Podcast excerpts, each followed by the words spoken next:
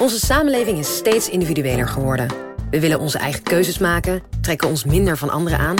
We zijn lekker autonoom, maar dat heeft het risico dat we steeds vaker alleen staan en dat eenzaamheid toeneemt.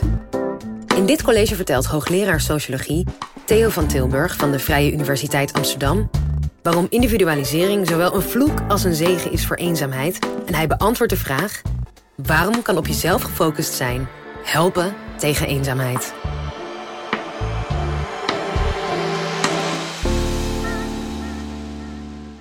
Ben jij lid van een vakbond? En ga je elke week naar de kerk? Heb jij een vast contract en plan je om nog jaren op die werkplek te blijven werken? Ben je al heel lang lid van de plaatselijke sportclub?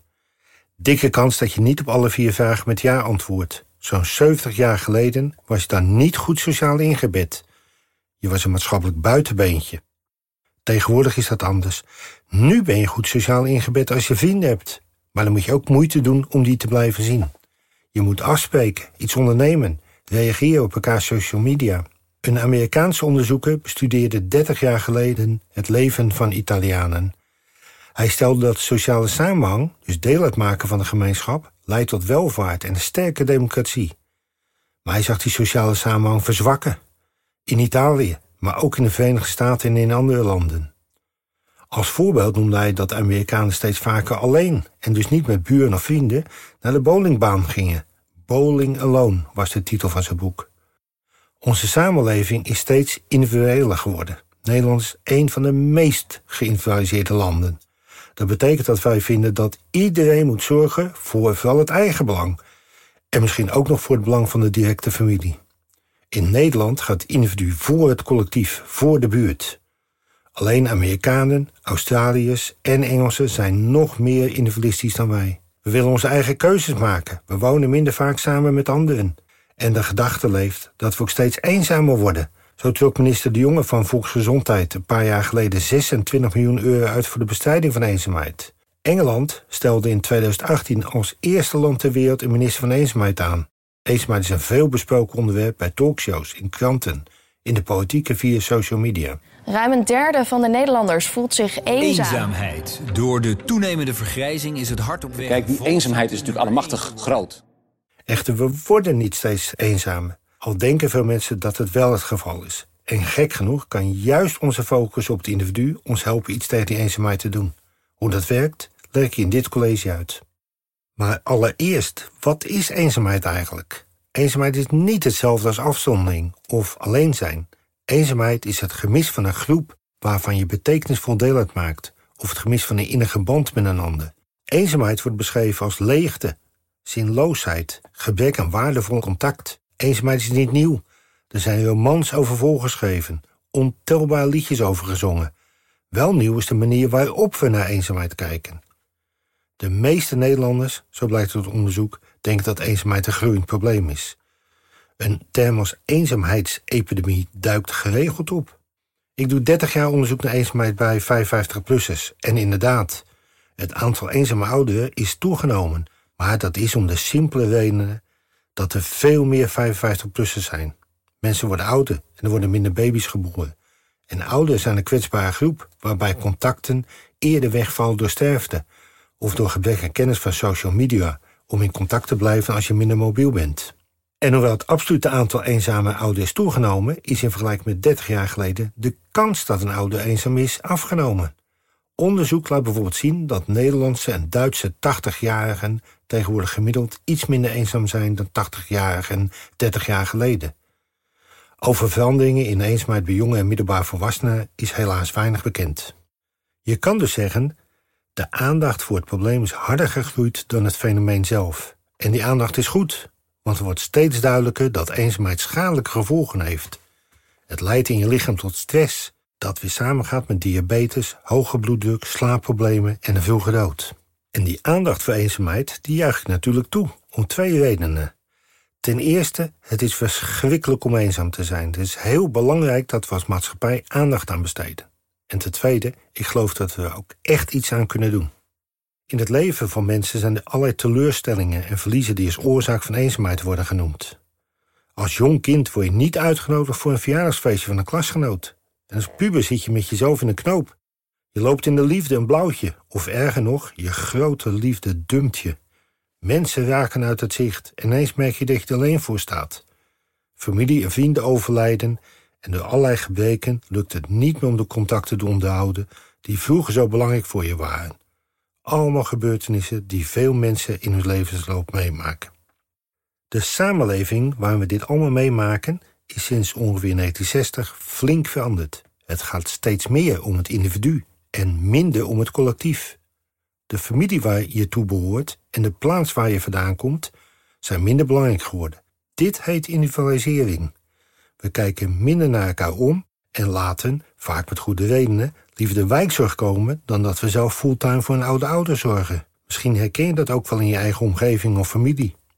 Het touwtje dat bij de buren van Jan Terlouw nog in de brievenbus hing, zodat je altijd even binnen kon lopen, is verdwenen.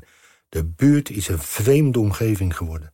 Deze individualisering zien velen als oorzaak van eenzaamheid. Maar het is niet alleen iets slechts, het is een medaille met twee kanten. Individualisering is een verminderd groepsgevoel en minder connectie met de groep waarin we geboren of opgegroeid zijn. Een vermindering van vertrouwen en zekerheid. Dat is de slechte kant. De andere kant is dat we niet meer vastzitten in een sociale groep en meer een individuele koers varen. Zelf kiezen met wie je omgaat en hoe je je leven inricht. Individualisering heeft een imago van een hele nare oorzaak, maar het kan wel eens de oplossing bieden. Daar ga ik straks dieper op in. Laten we eerst de negatieve kant van de medaille bekijken. Waar denk jij aan bij individualisering?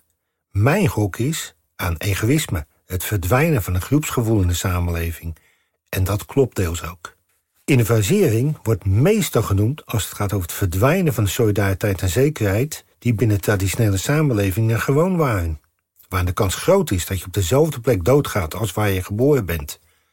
Waar je een overzichtelijk politiek klimaat hebt, waar in de sportclub, het café dichtbij, de kerk, de buurt en je familie je sociale vangnet vormen. Maar de traditionele samenleving, die ik hier een beetje chargeer, is op losse schroeven komen te staan. Lang leken de levens van verschillende generaties op elkaar. Het leven van jouw opa leek in zekere zin op dat van zijn opa en dat van je oma op haar oma. Maar jouw leven is totaal anders dan dat van je grootouders. Want in twee generaties is onze wereld extreem veranderd. Het is nu bijna vanzelfsprekend dat jij iets anders doet dan je ouders. Kijk eens om je heen. Hoeveel mensen die je kent hebben hetzelfde beroep als hun ouders. Maar niet alleen dat. Jongeren blijven langer single of ze gaan nooit met iemand anders samenwonen. Zo woont in meer dan de helft van de huizen in Groningen, Delft en Amsterdam maar één persoon. We kennen de buren vaak niet, want over een paar jaar zijn je buren verhuisd. Of jij bent verhuisd. Als jij vrijwilligerswerk doet, wil je niet voor lange tijd vastleggen. Vandaag werk je samen met vijf collega's en bij een vorig project zijn het weer vijf anderen. Dit noemen we in de wetenschap ook wel liquid modernity, oftewel vloeibare moderniteit. Gedreven door technologische en industriële ontwikkelingen zijn we van een traditionele samenleving terechtgekomen in een moderne samenleving. Misschien zeggen mensen daarom soms dat vroeger alles beter was. Nu ken ik mijn buur niet eens. Al onze relaties zijn dus veel vluchtiger. Op misschien je best friend forever na. We worden eenzaam. Hm, dankjewel individualisering. Wat een vloek is het eigenlijk. Dat klinkt wel heel neerslachtig. Wat heeft individualisering ons gebracht, behalve dat we minder zijn gaan samenleven? Laten we eens gaan kijken naar de positieve kant van deze individualiseringsmedaille. Individualisering als ontwikkeling in de samenleving betekent dus dat je losmaakt van je oorspronkelijke groep. Dat je niet meer vanzelfsprekend de gewoontes van je ouders overneemt. De traditionele samenlevingsvormen beschermden mensen, maar alleen als ze pasten in die samenleving. Mensen moesten niet alleen passen, maar zich ook aanpassen. Ze werden beperkt om zich te ontwikkelen op hun eigen manier. Zo was er bijvoorbeeld voor homoseksuelen in veel dorpen geen plek om zichzelf te zijn. Het paste niet. Samenwonen en niet trouwen, of trouwen met iemand buiten de eigen kring van een ander geloof of een andere huidskleur. Zo'n 60 jaar geleden was dat not dan. Ik kan me niet herinneren dat er gescheiden ouders waren toen ik op de basisschool zat in 1960. En als dat al gebeurde, werd dit doodgezwegen. Gehuwde vrouwen werkten niet, althans niet betaald. De pastoor kwam langs en informeerde tamelijk direct van het eerste kind kwam. En niet alleen in de dorpen, maar ook in de steden. Kun jij je daar iets bij voorstellen? Je begrijpt dat niet iedereen zo wilde leven. Mensen wilden hun eigen keuzes maken. Individualisering betekent dat we zelf mochten kiezen. Je kon bankier worden als je ouders boeren waren. Of je kon boer worden als je ouders bankier waren. De wereld werd groter. Mijn ouders zijn één keer buiten Europa geweest. Ik kwam daar voor het eerst op mijn 28ste. En mijn zoon is op zijn negentiende aan de andere kant van de wereld gaan studeren en sporten. Er zijn veel meer mogelijkheden om vriendschappen of innige connecties aan te gaan met mensen uit andere culturen, sociale klassen of achtergronden. Er zijn dus grote verschillen in de opvattingen, vrijheden en mogelijkheden tussen de eerdere en de huidige generaties. Vroeger was voor veel mensen veilig en zeker. Ze wisten waar ze aan toe waren. Maar hun leven als deel van de kudde ging voor de eigen wensen van het individu. Wij willen dat niet meer. Vroeger was heus niet alles beter. Iedereen gelukkig en vol kansen? En de eenzaamheid is verdwenen? Nee, dat is niet de uitkomst. In een geïndividualiseerde samenleving kan je alleen aan de sociale behoeften voldoen als je ook de daarvoor benodigde vaardigheden hebt. Daarmee bedoel ik dit. Sociale connecties waren eerst vanzelfsprekend en ze maken nu plaats voor nieuwe banden die je zelf kiest. Maar dat kost wel moeite. Je moet initiatief kunnen nemen en actief connecties maken. Je hebt digitale vaardigheden nodig om via Facebook en Insta de contacten te onderhouden. Je hebt geld nodig voor een smartphone, voor een sportclub en om te kunnen reizen. Je moet erop uit, dus goed te been zijn. Als je die gereedschapkist niet hebt of niet kan betalen, maakt dat sommige mensen heel kwetsbaar voor eenzaamheid. En dat is de paradox. Om je uit de kudde te bewegen en een individu te zijn, vervreemd je ook van die kudde. En dat maakt individualisering een medaille met twee kanten. Dus individualisering is een vloek omdat ons berooft van onze zekerheid en diep gewortelde sociale banden met mensen met wie jouw leven verknoopt was. Al zijn dat soms niet eens de banden die je wil. Maar het kan ook een zegen zijn. Individualisering kan bijdragen aan het verminderen van eenzaamheid. Het traint ons om waardevolle contacten aan te gaan. Je hebt je eigen vrienden en je gaat om met familieleden die je zelf kiest. Of een scheepstermen, jij staat aan het roeren en je kiest zelf je bestemming. Vergelijkend onderzoek in Europese landen laat zien dat mensen die gericht waren op hun eigen contacten met anderen minder eenzaam waren dan degene die vertrouwden op traditionele, normatief voorgeschreven relaties, zoals die met familie. Een ander onderzoek laat zien dat inwoners van individualistische landen, zoals Nederland en Duitsland, veel minder eenzaam waren dan inwoners van minder individualistische landen, zoals Portugal, Frankrijk en Tsjechië. De vaardigheden om zelf aan het roer te staan en niet eenzaam te worden zijn broodnodig om te kunnen overleven in de moderne tijd. Je moet zelfstandig zijn om door deze tijd te navigeren. De tijden zijn over dat je voor je 25ste trouwde en onder de pannen was voor de rest van je leven. Of dat je na je 65ste op een gespreid bedje in een gezellig bejaardenhuis terechtkwam. De kracht van Nederlanders is dat we aan de slag gaan en zelf verantwoordelijkheid nemen. Als we zelf contacten kunnen maken, durven we ook om hulp te vragen. Eenzaamheid oplossen doordat anderen een activiteit voor jou organiseren, zoals een potje bingo, dat werkt niet. Het is symptoombestrijding.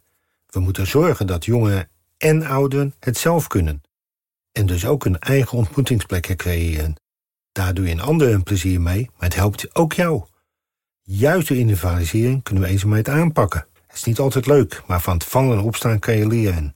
Leef met anderen om eenzaamheid te voorkomen. Maar het is jouw wereld en of je jong of oud bent, het is jouw leven dat je vormgeeft. Bedankt voor het luisteren.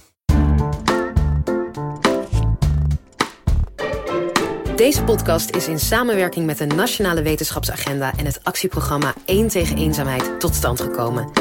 Wil je meer weten over dit onderwerp? Check dan het YouTube-kanaal van de Nationale Wetenschapsagenda voor de online talkshow over eenzaamheid en huidhonger. De fragmenten die je hoorde waren van Goedemorgen Nederland, Pauw en Brandpunt. Wil je nou meer afleveringen van de Universiteit van Nederland horen? Check dan de hele playlist en vind het antwoord op honderden andere vragen.